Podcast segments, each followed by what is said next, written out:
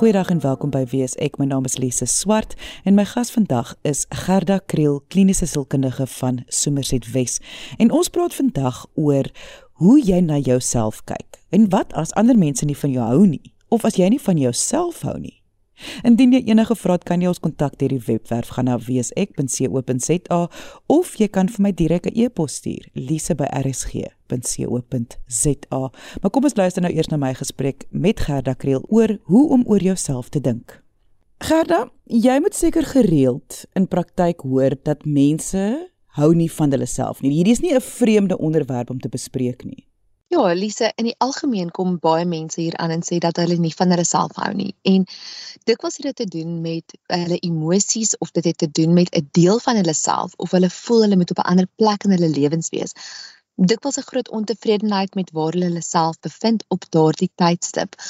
Maar dit is baie algemeen en ek dink dit is eintlik sodat dit amper 'n bietjie van 'n 'n pandemie raak en ook 'n bietjie van 'n narratief. Jy weet, mense koop nogals in in 'n idee van jy mag nie eintlik van jouself hou nie, want dan is jy hoogmoedig of jy te hoë te hoë selfbeeld of jy's narcissisties. En baie mense is bang as jy van hulle self begin hou of as hulle van hulle self gaan begin hou, gaan ander mense beleef dat hulle narcissisties is, vol van hulle self is en dan onderhou hulle 'n ook 'n baie ongesonde narratief dat hulle nie van hulle self mag hou nie. Maar dis baie algemeen. Dit dis waar wat jy sê, want dit is asof die samelewing ons geleer het van kleins af dat dit is verkeerd om ek wil nie sê om vir jouself te hou nie. Dis nooit daai woorde is nooit gebruik nie, maar dit is verkeerd om te kan te erken dat jy van jouself dat daar enigsins selfliefde op enige vlak is. Ja. Selfliefde en selfvertroue in die feit dat jy self mag besluite maak oor jou lewe of besluite maak oor jou liggaam Ons word van 'n jong ouderdom af dikwels gekondisioneer en dikwels geleer dat jy moet net inpas, moenie moeilikheid maak nie. Don't rock the boat. Dit is dikwels 'n boodskap wat baie mense internaliseer. En in die proses leer hulle hoe om hulle eie ek wil sê eie behoeftes, eie begeertes af te skakel, hulle self af te stomp daarvoor, nie te luister na hulle self en hulle inner wêreld nie. En as 'n mens dit lank genoeg doen, dan gaan jy iets wat ek nou wil noem eintlik 'n selfafskeep. Die Engelse woord is mooi daarvoor self-neglect of self-abandonment. Waar jy jouself letterlik aflê en sê jy jy voldoen nie aan jou eie behoeftes nie, jy dink nie jy is belangrik nie. Nou as daardie proses oor 'n lang termyn aangaan, dan ontwikkel jy later 'n swak verhouding met jouself en dan hou jy op om van jouself te hou. Jy hou op om selfs jou eie behoeftes na te kom.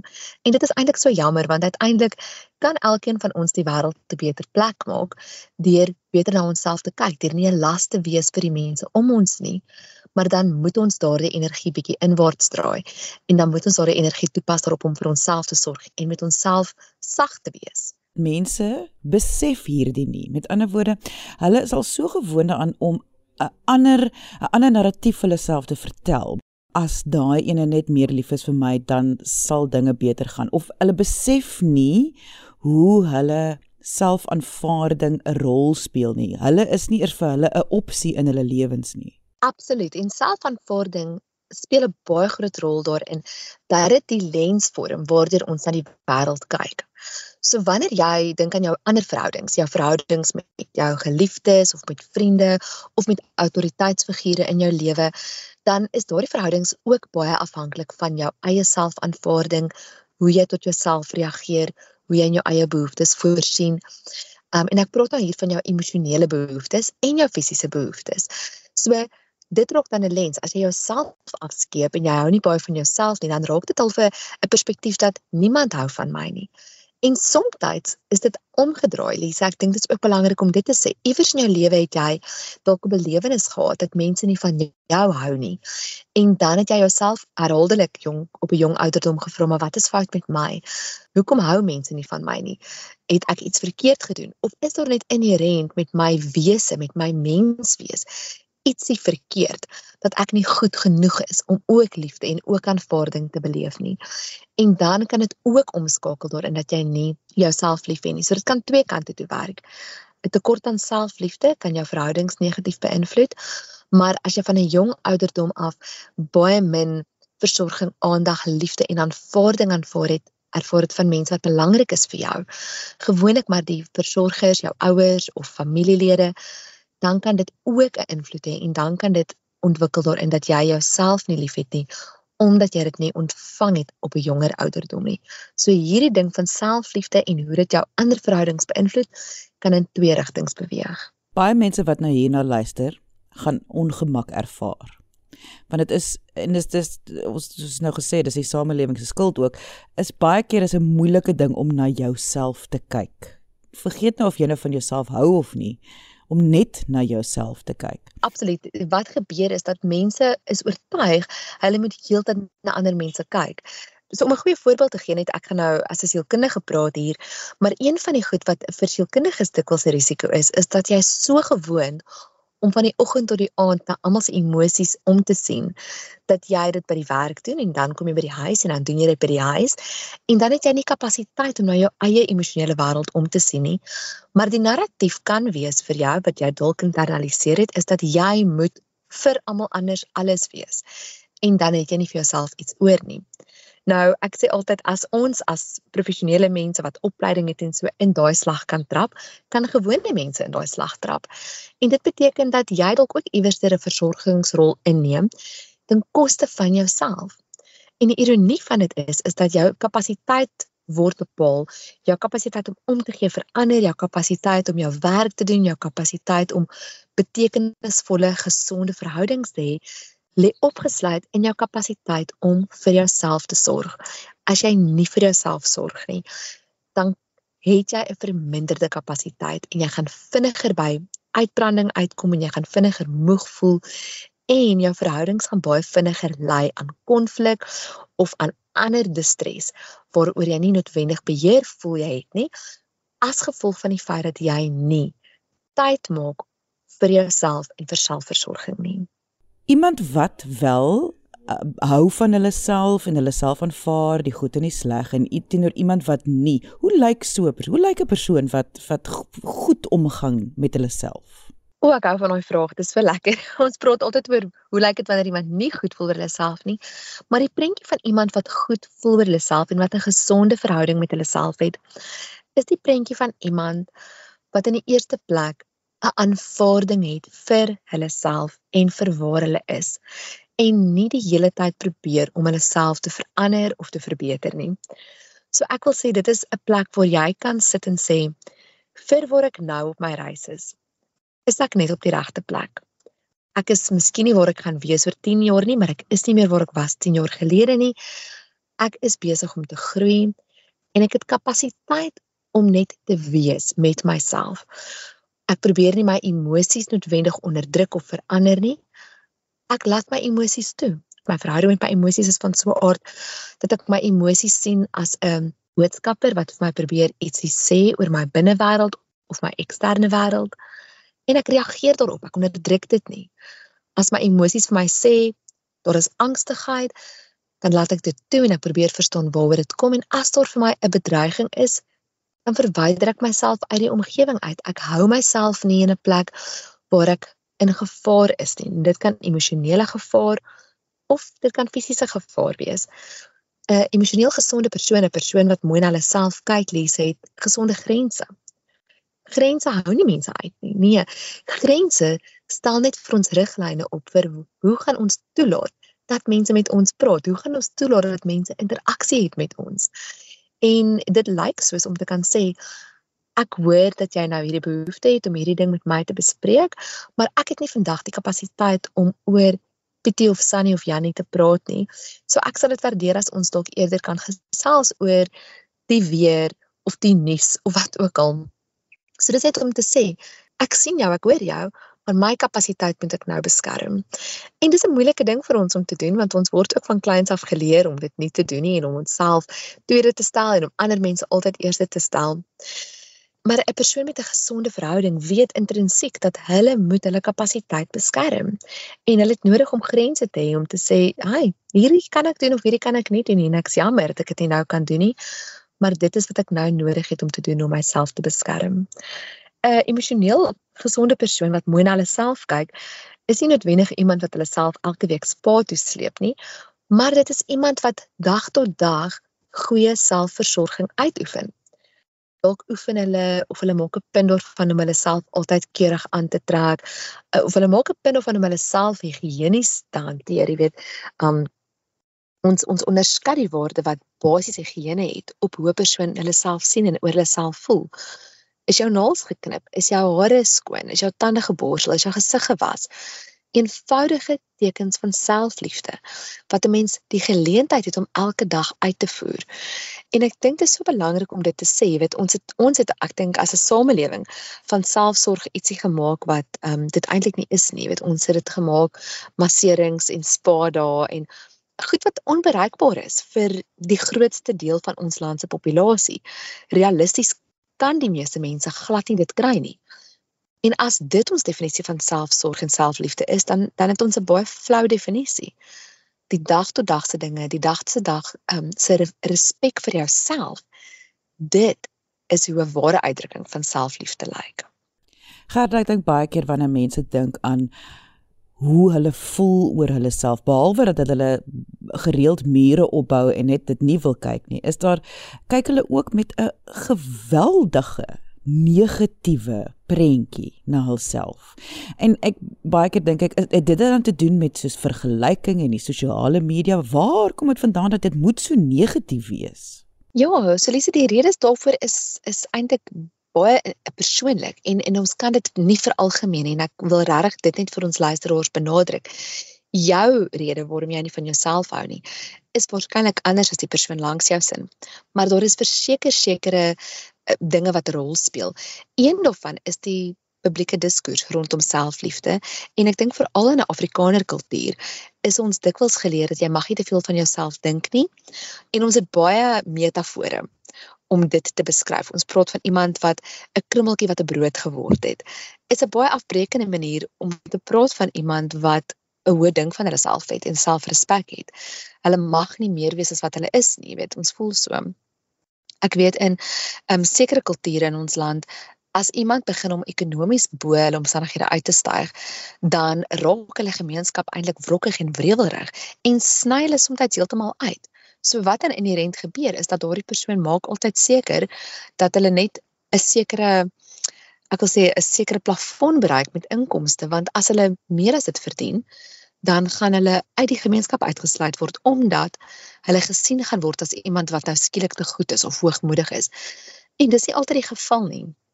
So dit is definitief publieke diskurs is een van die redes hoekom ons nie van onsself hou nie. 'n Ander rede is dikwels dit wat ons in sosiale media absorbeer, die onmoontlike hoë standaarde van wat vir ons gesê word jy moet wees. Hierdie is hoe jy moet aantrek om suksesvol te wees. Hierdie is hoe jou lyf moet lyk om suksesvol te wees. Elise, 'n simpel ding, maar selfs die narratief rondom hoe ons eet en wat ons eet, het vir my persoonlik problematies geraak as ek kyk na hoe gesond eet amper deesdae 'n toksiese ding geword het. En hoe mense voel maar hulle kan net eenvoudig nie 100% ehm um, vryloop hoendereiers en organiese kos bekostig nie. So nou kan hulle maar net sowel niks eet nie of gemorskos eet want dit is in elk geval onmoontlik. In plek daarvan dat ons as mense begin kyk na wat kan jy doen om so goed as moontlik na jouself om te sien? En wat kan jy doen om so goed as moontlik binne jou vermoëns aan te trek op 'n manier wat respekvol vir jouself is? Sosiale media het vir ons baie hoë standaarde gestel. Maar ek wil ook sê dis nie 'n nuwe ding nie. 10 jaar terug, 20 jaar terug, was dit tydskrifte wat vir ons daardie onmoontlike hoë um, standaarde gestel het en ons het dit net amper meer toeganklik gemaak deur dit in die palm van ons hand te sit. En dan Lise is daar natuurlik 'n baie dieper oorsaak waarom mense nie van hulle self hou nie. En dis hier waar ek ons luisteraars wil aanmoedig om tog as hierdie nou met jou resoneer vandag te kyk of jy nie maar professionele hulp kan sien om of kan kry om jou deur hierdie te help verwerk of jou deur hierdie te praat en jou te help om begrip daarvoor te kry nie.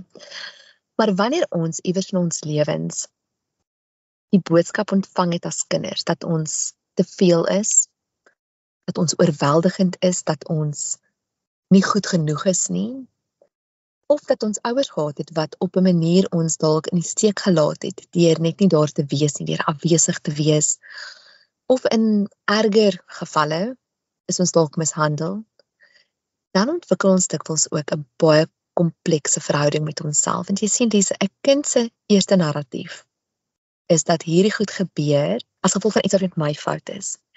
En dan raak dit 'n lewenslange narratief. Niemand is lief vir my nie want daar is inherënt fout met my as gevolg van iets wat met my gebeur het as 'n kind. En dit is baie meer kompleks as hierdie goed wat ons nou op die oppervlak noem. Dit is reeds kompleks om diskurse uiteen te pak en bietjie te kyk wat hoe sit ons verhouding met daardie diskurse. Maar wanneer dit gaan oor 'n diep geleefde ervaring van verwerping wat jy op 'n jong ouderdom gehad het, is professionele raad baie belangrik om jou te help om dit in konteks te kry en om jou te help op 'n genesingspad. Want jou genesingspad gaan dalk 'n bietjie anders lyk as iemand wat net blootgestel is aan 'n herhaalde sosiale diskurs. Ek dink baie keer die verduidelikings wat mense vir hulle self nou wel in hierdie die dieper redes gee is juist die teken. Ek bedoel daar's soveel mense wat sal sê ag nee, wat weet jy nou, ek ek dink nie ek verdien dit om na myself te kyk nie. Ek dink nie ek is nie lus, ek is nie lus vir hierdie moeite nie. Ek dink al daai daai daai teenkante om so te skop daarteen is juis jou teken dat jy is dalk die die regte kandidaat om dit te doen. O, oh, Lisa, absoluut.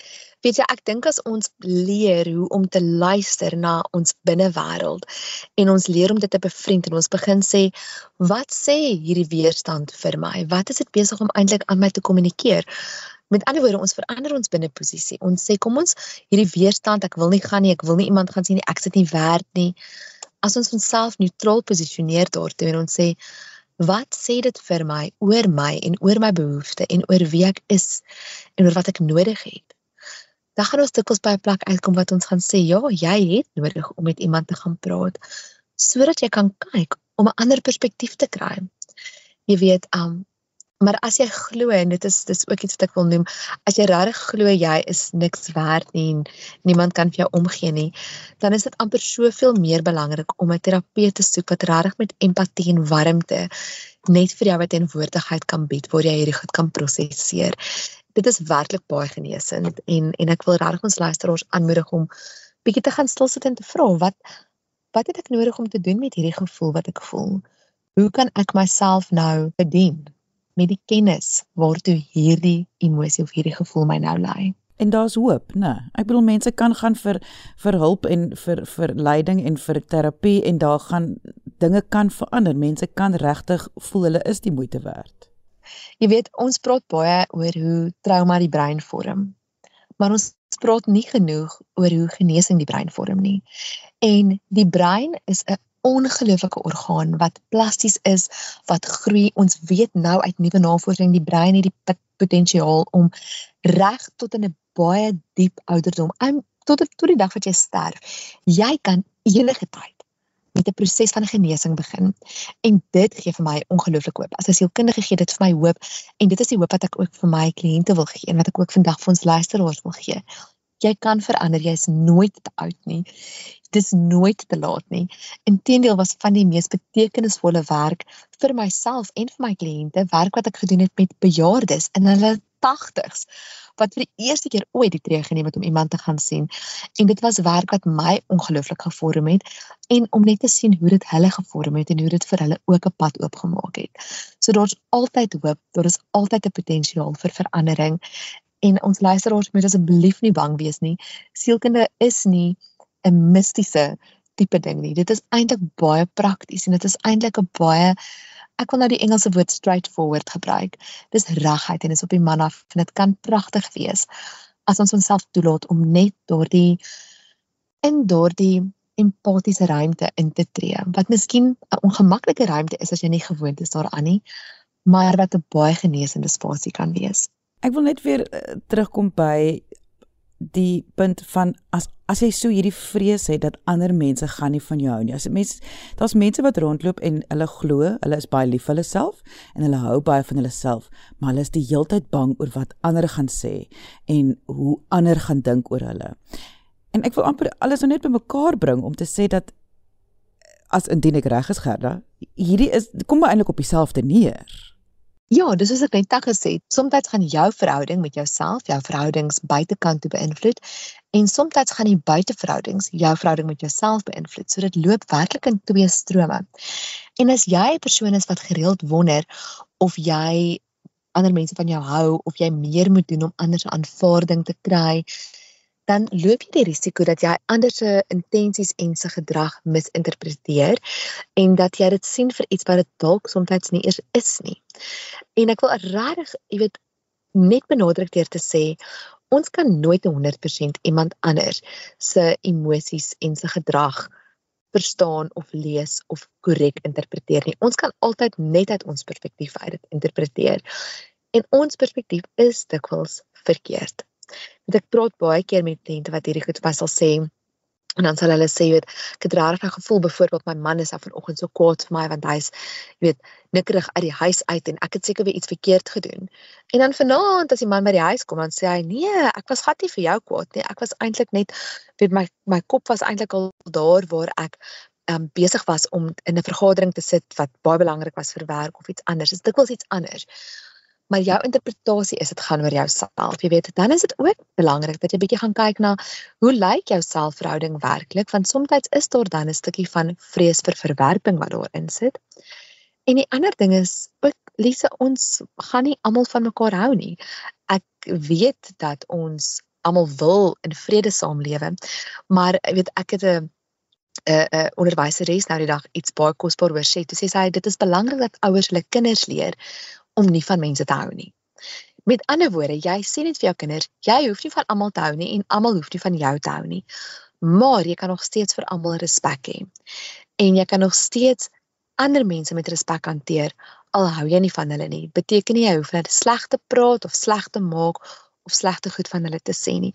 En ek het gedink jy sê dit is 'n baie bevrydende ding om vir ons kinders te leer en om vir onsself te leer.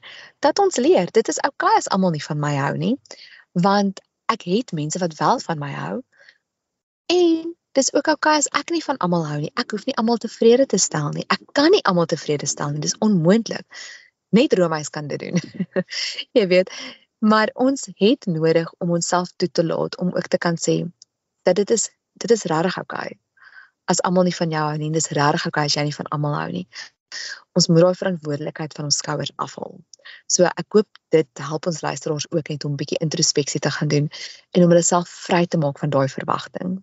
En ek wil net hier byvoeg en dis regtig oukei okay as jy sukkel daarmee. Dit is regtig oukei. Okay. Dit is nie 'n maklike ding wat ons hier vandag sê nie. So eenvoudig soos wat alles klink, is hierdie nie maklik nie. Absoluut. En ek ek wil ook ons luisteraars uitnooi. Jy weet Lisa, ek ek dink ek leer al hoe meer as sielkundige ook en in die werk wat ek doen en in my eie persoonlike reis hoe belangrik dit is om nie weg te skram van emosies wat ongemaklik is nie om nie weg te skram van ervarings wat ongemaklik is nie. Partykeer moet ons net gaan sit met daai emosie van ek voel regtig of niemand van my hou nie. Wat is hierdie? En om net te gaan sit en en partykeer net die aksie van om dit te gaan 'n naam gee en om dit te erken verlig al klaar 'n bietjie van die ervaring daarvan. So ek wil ons luisteraars uitnooi om te sê, hoorie, kan ek gaan sit en, en kan ek gaan reflekteer en vra waar waar kom hierdie vandaan? Wat is hierdie? En om te sê dit hoef nie maklik te wees nie. Inteendeel, die klein skrif onder aan hierdie hele um, opname vandag behoort te wees, hierdie is nie maklik nie. As jy dit gaan doen, gaan dit vir jou ongemaklik en moeilik wees. Maar dis ongemak en dis moeilik wat dikwels lei tot baie betekenisvolle groei. En uiteindelik is dit vir my belangriker as as gemak. Ons wil hê mense moet groei, ons wil hê mense moet ek wil sê ryper word tot 'n sekere mate en ongelukkig is die manier hoe ons dit doen deur onsself te vergemaklik met ongemak. En dit was die stem van Gerda Kriel kliniese sielkundige van Somerset Wes. Indien jy enige vrae het, kan jy vir my e-pos stuur: lise@rsg.co.za. Baie dankie dat jy vandag ingeskakel het. Ons maak weer so volgende Vrydag 12:30 hier op RSG. Jy moet 'n heerlike naweek hê en onthou, kyk mooi na jouself. Thank you.